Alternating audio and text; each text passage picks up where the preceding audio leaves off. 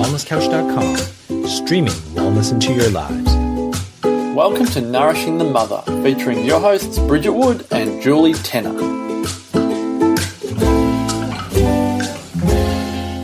Hello and welcome to Nourishing the Mother. I'm Bridget Wood.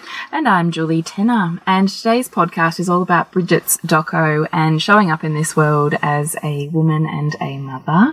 Before that, I'd just love to remind you to jump on to nourishingthemother.com.au and sign up to join our tribe, where once a week we'll send you a wrap up email with links and blurbs to everything we've put out in the world so you can pick and choose what you'd love to dive deeper into. And occasionally we send you a second one, like a conversation we'd have between each other with a bit of an awakening, epiphany, a toolkit, a discussion mm. about something that's lit us up. So please sign up to join our tribe at nourishingthemother.com.au. Bridget, last night I had the great honour of turning up to your premiere open screening for the documentary that you were in with Jess Jones from Soar Collective. Mm. Just even like I, am sure for most of our li listeners, that's a bit of an out of the blue. Didn't know you were even doing a doco, Bridget. Yeah. Do you want to talk a bit about how, that came about. Yeah. yeah. sure. So, for those of you who follow both Suburban Sandcastles and Nourishing the Mother, you will know that back in May this year, I took a road trip um, with my friend Jess and baby Sylvie and her baby Mabel. Um, and it was a road trip over 2,000 kilometres up the east coast of Australia, and it was all about um, shining a light on regional women in business who were kind of paving their own way in the world. Um, and it was really intense, it was challenging. We were incredibly fortunate to have massive crowdfunding support and support from some big brands to get it over the line. But it was something that I said yes to when Sylvie was just four months old, and it was. I can't even wrap my head oh, around that. And, but, but to me, though, this is just this whole thing is so um, an example of really like the, the, way that I've chosen to parent this time with Sylvie in terms of really trying to stay connected and, and, present to her as much as staying connected and present to myself and to my mm. big dreams because I really uh, I didn't really take any time off with her like you know you and I and yeah, same with yeah. you right like yeah yeah yeah you know really just kind of continuing to stretch ourselves continuing to kind of find those edges of comfort mm. and discomfort and totally the road trip did that for me you know, like Jess and I have some some pretty different values around some things, and you know, facing that, um, the mirror of that can be can be hard sometimes. But You've done a lot of work on that, though. I mean, I know you'd spend a lot of time um, connecting with collaborators that could support your drive for nourishment. Totally, yeah, yeah. You know, you're with the Thank You brand for nappies and wipes. Yeah. Like, I saw a lot of that. Do you want to talk yeah, about that? Yeah. yeah, because I think for me, what I was really, really conscious of was was the um, the incredible ask that it was of the babies to come on this journey because it, it's, a, it's a long trip. We weren't going to have a lot of spaciousness for them in it because even when we were stopped, we were like trying to run events and, you know, running to a really tight schedule. We were staying at five different accommodation places throughout the five days. And, you know, as you know, like babies are super aware. Mm. So they're so, so um, tuned, in. to their environment. And so the, the change in environment can be really, um, destabilizing for a baby. So I think what I was really conscious of was looking after their nutritional needs as much, as much as possible, and in turn looking after our nutritional needs, knowing that the better we look after ourselves, the better we're going to be able to show up for them and for, for the task at hand. Mm. And I noticed that you interviewed the um, woman who started up Endota, and that was almost her message too, yeah, wasn't it? It was the it whole, was. it was almost the ethos in her business was to be, and I really got that clear message mm. from you was mm. after all of this work, you got to this point, you were running late for your Endota appointment, it was almost at the point where you were like, we're just going to chuck the towel in and forget it. Yeah. But there was this really, no, this is, but even in that docu, you said there was this yeah. real conscious moment for you where you consciously went, no, I've got nothing to give unless I put back in. Yeah. And you then very consciously carved the space and the time out yeah. to receive. Mm, and it was really about that. It was, it was about saying to myself, and, and along the whole journey really was was really making that choice to put myself you know first in a way that meant that I could then give out. And you know and, and even if that meant you know, having the, having a drink of water before I gave to Sylvie or, kind of having a, a, meal or saying to Jess no I need to stop. Like I need to eat or I need this or or you know really really finding my voice within within that trip and and using it. How hard was that um, we were really open with each other and had so many deep conversations about each of our own lives and values and the challenges we face and, and and, and you know interesting conversations between how different we are, but also how we also have kind of big visions and big dreams at the same time. So I think because we were so open about it, it made it so much easier as opposed to you know one of us stewing over something or you know one of us going silent or anything like that. Was that something you'd set up prior to the road trip? I think both of us were pretty clear with each other that we knew we'd have to r- maintain open dialogue, and I knew that that f- for me to really get um, the most out of it and also be able to give as much as my, of myself as I wanted to, I was going to have to be honest with that, you know, and really find a way to get everyone's needs met and fulfill the project in a way that was still aligned to what I value. Because it wouldn't have been aligned for me to forget, you know, my values around nutrition or uh, not get good enough sleep or make Sylvie do things that I didn't think were okay, like, you know, palm her off to anybody or, you know, I was, I was really tuned into what she needed, which meant sometimes that, that I probably did more babysitting than interviewing because I, if she wasn't comfortable in a situation, I wasn't going to force her into being held by someone she didn't want to be held by. Um, things like that. So really trying to find that sweet spot um, between what the project needed and what she needed and what I needed to be able to give all of myself to that. That's such a lot to be thinking about. The mental load was pretty intense, and then you get, and then adding that to the driving. Like there was one night we were driving in the dark for a long time, or two nights actually, driving in the dark for a long time. And I haven't, because you know, the nature of being a mother of young children, I don't get out of the town Yeah, much, yeah, yeah. so I don't spend a lot of time driving at night. And so that was really hard. Like I found that really hard to focus and to. Um, be safe on the road and being so tired and so stretched and having so much going on. Yeah. So even the, the driving time on top of everything else was was taxing. Yeah, and you know the night breastfeeding and the night waking and Because you were also sharing a house essentially, because you were also sponsored by Airbnb. Yeah. With the videographers. yep, yep. With Jess and her baby and you and your mm-hmm. baby. So I remember you saying to me there was a consciousness around, well, I can't do awake crying and hold her space to cry because I've got other people in the house to think about. Yeah. So how did you kind of survive that during that week and then certainly afterwards? Yeah, it was an interesting one because I was conscious of that. And in fact, one of the episodes that we did just before we went on the road trip was when was that one around baby sleep. That was was the episode where I was like taken to my edges with Sylvie. Like I was really yeah. struggling, and I was it was all about the fact that I couldn't stop um, co-sleeping because the fact was I was going to have to co-sleep on the road trip. So why change it? Um, however, I did change it, and in fact, she slept really well. Because you ended up changing it only a couple of weeks beforehand, didn't a you? week. Wow. A week before we went, I moved her into her own room and and almost. I think I'm pretty sure I, I, I almost night weaned, so I got down to like one feed. That's right, you did. I remember Yeah. now. Yeah, so on the road trip, I maintained that. So, she, so I only fed her once, and it was lucky she she really did. I think because it was so taxing, she slept quite well. yeah. Um, I also tried where I could find quiet spaces and opportunities to really get, have moments of connection time and listening to tears where I could, so that she was going to going to bed with a you know full cup in that sense as much as possible. It didn't happen every day, but but at least tuning into where she was at was key because I knew she'd sleep better if she had had that release. Gosh, you're really doing a lot of balancing there. Yeah, it's pretty intense. Yeah, I mean, and it was hard. Like there were some days where I, you know, was frustrated, and there were some, you know, moments where I really did have to sit with that, you know, like discomfort of feeling challenged. You know, that you know, around my values, around, um, you know, was this fair for Sylvie? Was this, you know, was I really, was this really where I wanted to be? And I, and I think wherever we really truly test ourselves, that's where we're going to find ourselves dialoguing, you know, because we, we are turning over different ideas in our head. We're, we're having to face stuff that, that perhaps is uncomfortable. And that was a, you know, real theme of that road trip. And in fact, you know, even in the film, you could really see that coming out for me was that, that turning over of the mother I want to be and then this businesswoman or this kind of big dreamer that I, that I inherently am as well. Mm. And finding and, and balancing the tension between those two things at the same time as, as fueling myself as a person to give to those two, those two areas of my life.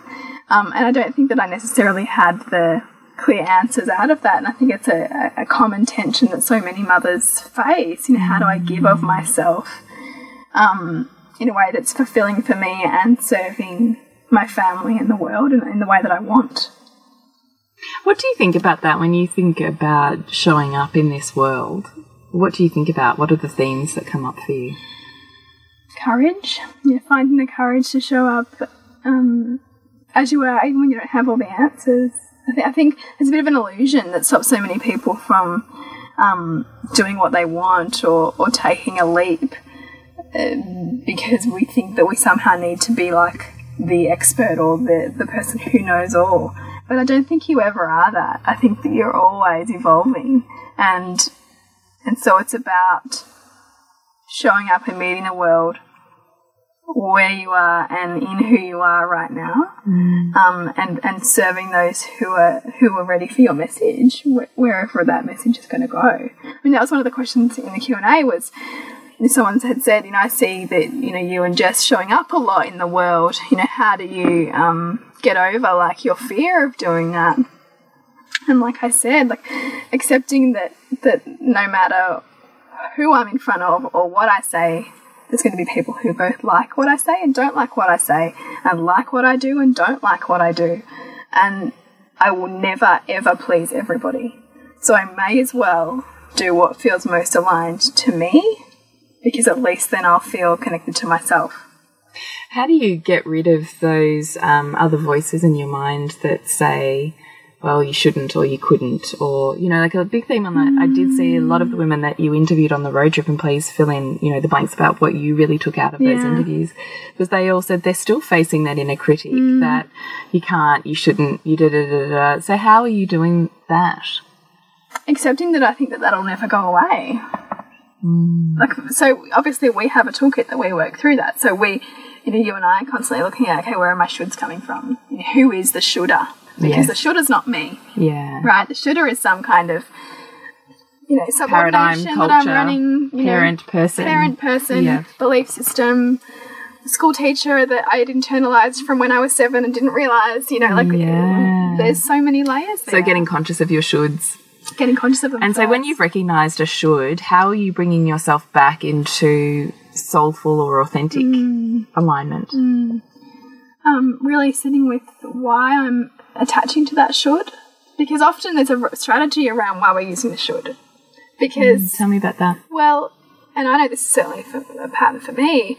If I subordinate to who I think are like the authorities around deeply attuned, connected parenting or the right way that I see to consciously parent, and I don't meet those, then I'm going to continually find new ways to learn more and connect more with my children, which keeps me on that path of really conscious parenting. Mm. So my perception of not knowing enough there, or my perception of not being connected enough, fuels me to stay to value to really value connection. It also means that if I feel like I'm taking too much away from that role that I really see my, my um, mothering play, then excuse me, um, then I won't take that big leap in business that I'm too scared to take. Mm. So there, there's the shoulds perform a strategy as well. Like they keep us safe in our perception of the part which we don't feel ready to step into yet. So they're not. They're there to be understood. They're not there to be completely ignored. Mm. I think it's on some level making friends with the shoulds by understanding why why you, why they're there and what they're there for to you know for your own consciousness mm. for you know, for your own evolution. And so you're on this road trip. What was your greatest high and your greatest low? Biggest high. I think the biggest high was the final event. So it was the event in Sunshine Coast. And it was with this super dyna dynamic woman called Tess Lehman, who's got an interesting story because she's one of seven children, and her mum ended up splitting up with her dad when she, when she was 37 after sorry after 37 years of marriage and then became like a sexologist and like kind of really found her sexuality. And so Tess has got an interesting perspective on her own mother mother's journey of awakening and therefore how she's taken that into her own story. And and even though her values around mothering are different to mine I loved her um, honesty and her and her humor around the whole balancing of motherhood and business because I just thought there's there's, there's really not enough of that sometimes, you know, in, terms of just because she was funny. She was saying, you know, it doesn't matter what you do, there's going to be something, your kids will still turn around, you know, in 20 years' time and say, you, that time when I was 10 and you didn't, Yeah, you know, yeah. you weren't there for me, you know, and, you know, us as mothers who are particularly trying to be these conscious mothers, you know, it could break us, right? If we don't have the perspective that, yes, whatever we do, our kids are still going to find fault. And so that reminder, I think, is really f- a reminder for us to find softness and playfulness in motherhood and to drop seriousness sometimes if we really do have that, that value on, on listening and connectedness and all of those kinds of things. Um, and it was also the time that I really was able to let go. Like Sylvie had really got into a rhythm. She was, you know, she played like with Jess's dad through that whole event and was super happy. And, and that was also a, um, a, a point at which I'd reached around letting go and trusting that if she was happy, I'm happy, you know, and, and really finding that, that, that, that nice rhythm. Separateness That, that's you. separateness, yeah. And you know, she was still really a really independent baby at nine months old, and and yeah, so there was there was a real um, sense of fulfillment getting to that final stop and that final event um, after a pretty intense week, and just knowing that the next day we were gonna be able to go and have a have a drink on the water in Noosa and just chill out. And you know, even even that day, like I, I left Sylvie for a nap with Jess's stepmom and and not, knew that she was comfortable enough for me to go. And, and, and even for me, like this is a world away of how, how I would have been with my son, for example. And yeah, I think about the evolution of myself on uh, in motherhood and and where I find myself in you know parenting Sylvie versus as a baby versus parenting Hugo as a baby and that journey of self and really sit in a place of kind of gratitude for that growth. What do you think that is? What do you think is the defining difference between being unable to let go um, and know that you're the only person who can look after your baby, or that it's safe or right that that's the way it should be, versus being able to go, she's okay with the person that I don't have a strong relationship with? Like, where, what is that? I think it's noticing what was my stuff and what is actually truth. And so much of what I see as my approach with Hugo as a baby was um, noticing my need to be needed um, in motherhood, which I think is a really classic one. And also that my intentions might be one thing, but how my child perceives it is going to be totally different, and that my child has a unique journey in this world too, um, and and is, and needs to be allowed the space to make meaning independently of of me trying to control that meaning for them. And that even begins in babyhood, and, and I think, as we know with with really listening to tears, it's not so much what happens to us, but it's how we perceive it, and it's also how we're given space to heal. And as we know, there's always space to heal. So even if she did have a difficult afternoon with someone, I'm, I know how to look for the signs of that and I know how to create space to listen. Mm. So, knowing that just like me, she also grows at the border of support and challenge, she's going to benefit even from being challenged in those moments, perhaps by, by having a caregiver that, that she doesn't know or by crying for me and I'm not there. Those are moments that also benefit her. She's not a poor innocent baby who needs her mother by her side all of the time. She doesn't need that. She just needs someone to listen um, and someone to care for her. And as much as possible, that's me, but sometimes it's not because I also need to look after me. And I just need to do what matters to me so that I can be there more wholly for her. So I think that that's been a big um, evolution of understanding, perhaps between the two babies. Do you think, or do you see women around you sacrificing who they are in service of their family and their baby? Hmm. Yeah, yeah, and I th- and I think on some level it's it's celebrated, right? Like in terms of of motherhood being or consuming or motherhood being of service all of the time, and, mm. and the woman in motherhood almost in some ways losing herself in that mm. need to constantly provide. I don't know that there's a lot out there that says hey, the more you honour you and put back into you, the more you can give. That, that, that, that that's a peripheral message. It is. It's often said as that airbag one, isn't it? That you know, in a plane crash, you put your own mask on before your baby. Yeah. But I wonder why that depth of conviction isn't there that follows through with that statement. What do you think about mm. that?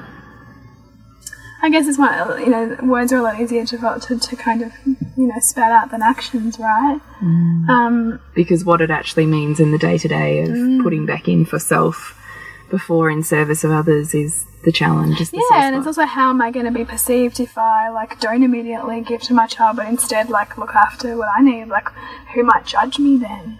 Or, you know, like, what kind of stories am I running about that not being okay? and judging myself. and judging myself, which will be based on some kind of belief that you've taken on board. Um, You know, one of the things that Jess, uh, Jess and I talked a lot about. You know, what's the what would be the hardest thing that someone could call you that you would struggle owning, um, struggle with owning. We do that in L2L. We do a lot, Yeah, yeah, and yeah. That's, that's why I was talking about it. Yeah, we talk her. about our biggest shame word. the shame word. Yeah. And she said it was selfish. And I thought that that was so interesting because, you know, her, her, her dogged focus on her business could be perceived by some as selfish because she was focusing on that at, at that particular time as number one and then her kids was in the family kind of second.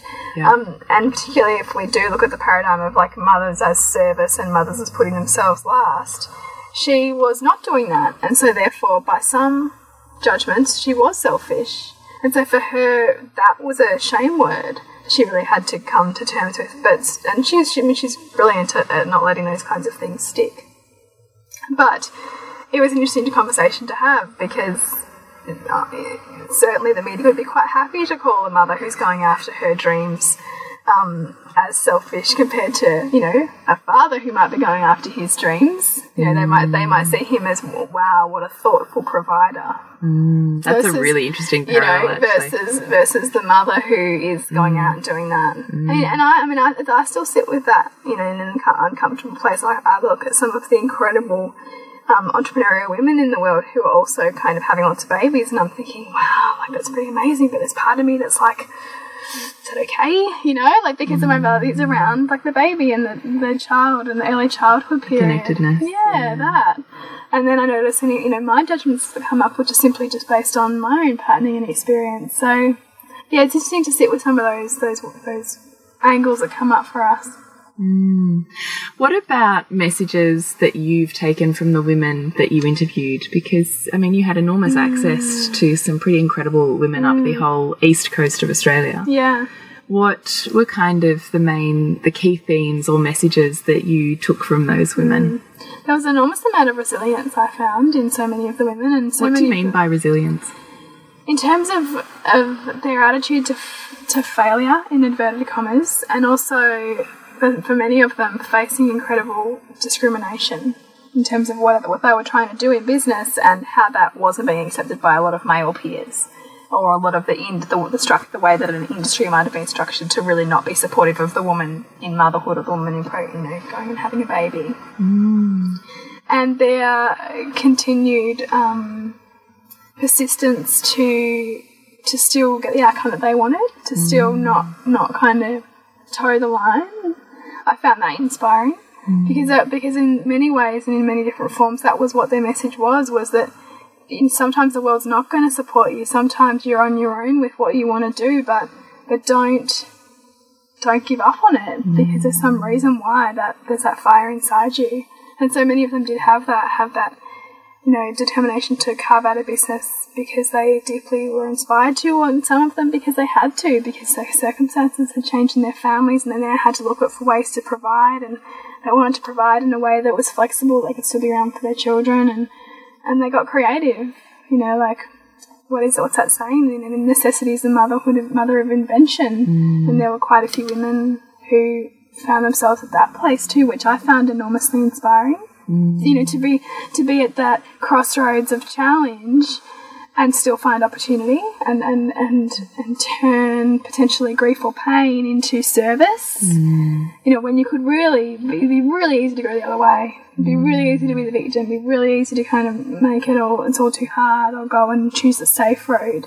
You know these are women who are who are really trying to to pave a pave an uncharted territory. Why do you think that is? What's the difference between between those that find opportunity in the struggle and those that well, it's still opportunity though, isn't it? Those that take a safer route. Mm. I think it's belief in in their capacity. So so some have a belief that they can do it, and others have a belief that they perhaps can't. And whether whether that comes from people around them, whether that comes from perhaps a childhood belief. Um, there's those that are willing to challenge those beliefs and recognize that it's simply just a belief, versus those who are taking that as truth. Because remember, I mean, on our podcast and, and in our tribe, we're constantly recognizing that our thoughts are not in truth, right? And that our beliefs are not truth. But, but there is a whole section of, of, of hu- humanity who don't question what they think and believe what they think is real. Yeah. Um, and so if you're believing what you're thinking is real, then you're likely going to choose the path that seems the easier one or the safer one because that's what everything is telling you is the truth. Um, I think that the difference is that these women are, are um, challenging what they think, you know, challenging what they believe. So what has this documentary lit within you now? It's really inspired me to tell more stories and tell more stories through different mediums. You know, I'd love to make another another film, and I'd love to do more interviewing, and I'd love to just increase the platform for conversation around what I see as these these these pinnacle parts of, of our consciousness that matter, um, and our stories that matter. And you know, you and I have this this brewing idea, don't we? Yeah, we do. We've talked about it. Mm. We'd really love to do a documentary that really focuses on the woman in the motherhood journey. Mm. Um, so, look, we're really also putting this out there that we'd love to invite our tribe in to ask the questions of essentially what we would like to ask in this documentary. We're interested in what is the thing or the things that you would most want to know about other women's lives behind closed doors? Mm. How do you want, what do you want to know? What are the questions you would ask if it, nothing was off limits and everything was going to be truth serum told? What would you want to ask of the mothers around you? Like that's really, we want to kind of pull back that Yeah. veil, talk about the depth and the breadth of motherhood and, you know, really find some truth and some meaning out of that. So mm. we really invite you to send us a private message, an email, you know, get in contact through our Facebook page and just really put in your piece of, you know, I would really love to know the answer to this. You know, because as women, so- I so got that from your documentary last night that the one theme, because I was, you know, doing some Facebook lives for SOAR Mm. on women that were attending the event, and the, the one common theme was the women around them. Mm. That all of those women had pivotal women in their lives. Yeah, who were in, who had had had showed them what what was possible. right? Exactly, because if you don't have women around you Mm. that say this is what's possible, you only think what's possible is what you see and what you know. Yeah. And this is that almost like that that factor of you you're the influenced average by the, the five, five. the average of the five people you spend the most time with. Yeah, exactly. And I just kept thinking, wow, you know, as women we just like fireworks. who just Mm. light each other up. Yeah, and we're so much about relationship and connection. Yeah. So that's why I think we, we we latch on so much to what we see around us because that becomes our defining version of what's possible yeah. or not possible. Exactly. Mm. So I, you know, both you and I are really interested to know what our tribe would be really interested in knowing about. Yeah. from motherhood, women around them. You know, the average mother or the, the woman who's a celebrity, like what is the, what's the key mm. tenets that you would love to know day to day, reality based? What do you want to know that she's doing or not Yeah. doing or how she's doing or thinking or feeling? Like what is those, mm. what are those questions? So we really invite you to, to jump in with that because, Yes, you know, please do. Because we're in the brewing is- process. We're in the research phase, and you are key to helping us get get some great insights. Yeah, so Mm. please jump on to nourishingthemother.com.au. You can send a message straight through the Facebook there. You can email us on connect at nourishingthemother.com.au. On Facebook and Instagram, you can message us or, you know, respond on a um, tile or a picture, which is Nourishing the Mother. Yeah. Suburban Sandcastles, you can certainly connect with Bridget through Suburban Sandcastles. so your website do, is suburbansandcastles.com. and your next doco. Yes, that one's called Heal. So we're showing that one in Melbourne, Geelong, and Byron Bay. How exciting. Yeah, which is really cool. Um, and so if you're in those areas, I'd love to see you along to that event. Just tell us what Heal is about. It's all about how the, how the mind essentially um, influences the body and that there is no separation. and the, the body is so often a barometer of, of our unconscious and conscious mind. And it's a really fascinating story of a couple of healing journeys, and some really inspiring experts come together for the film. Um, yeah, it's just a beautiful story. So we've got some incredible. I was about to say, what panelists have you got, Bridget? Because you always have some great people I've got up. some really cool ones. So I've got an amazing guy who um who had like a had a brain tumor and was had a really life threatening resulting resulting complications from that. And then he left his career from in, of investment banking once he recovered, and then became a yoga and meditation teacher and travels around the world speaking. So he's he's had perhaps one of the biggest identity shifts you can have, which I always find fascinating: the identity crisis and then rebuilding of self that comes from that. So he'll That be sharing his story. Yeah, and we've also got an integrative GP um, who's won quite a few awards in the Order of Australia as well, who's going to be speaking at our Melbourne event, which will be really great. So, yeah, lots of people coming together for this one. Oh, jump on to Heal. I'm definitely going to come Mm. Yeah, in November too. So, and you can connect with me on thepleasurenutritionist.com. And we do just want to say thank you so much for listening. Yes. You know, we really wanted to just honour you, Bridget, in, in lighting up this world the way that you do and Oh, continuing to show up, even, I'm going to say, through the challenges of motherhood, which is, Mm. I think, another added layer of, of extra challenge. And that documentary was, you know, hugely inspiring and, and I think pivotal in that journey. So Thank I really you. applaud you for Thank that. Thank you very much. And thank you for listening. And if you do have any questions, please, you know, direct them through to Bridget. If you're interested in a screening, they could certainly contact you Yeah, through then for as well, couldn't Yeah. they? And what else? Products page. We have a products page do that we keep forgetting to tell you about. We have put together all these PDFs and um, I can't think what else. We've got audio sections on all sorts of things that we talk about, consciousness and questions, and you know, delving into your own dynamics. And we always forget to say they are sitting there And I'm so you're glad interested. that people are finding them because we're getting a lot. We're getting lots and lots of um, lots and lots of purchases of those at the moment. So it's really, really great to see people jumping on board because they because they they're lovely little bite-sized products just to reinvigorate your week, your day, and really kind of bring that sense of consciousness and that sense of nourishment back to your mothering journey and back to yourself on this path. Um, so that's what we've put together for you. So please check that out. So nourishingthemother.com.au forward slash products. And remember, you have to, what am I saying? Nourish the mother. Nourish the mother to rock the family. It's our new motto. We're working on it. So hang in there with us while we work on it. Just polishing. And we'll see you next week when we continue to peel back the layers on your mothering journey. This has been a production of TheWellnessCouch.com. Check us out on Facebook and join in the conversation on Facebook.com forward slash The Wellness Couch. Subscribe to each show on iTunes and check us out on Twitter. The Wellness Couch, streaming wellness into your lives. Whilst the Wellness Couch presenter endeavor to provide accurate and helpful information to their listeners, these podcasts cannot take into account individual circumstances and are not intended to be a substitute for health and medical advice from a qualified health professional. You should always seek the advice of a qualified health professional before acting on any of the information provided by any of the Wellness Couch podcasts.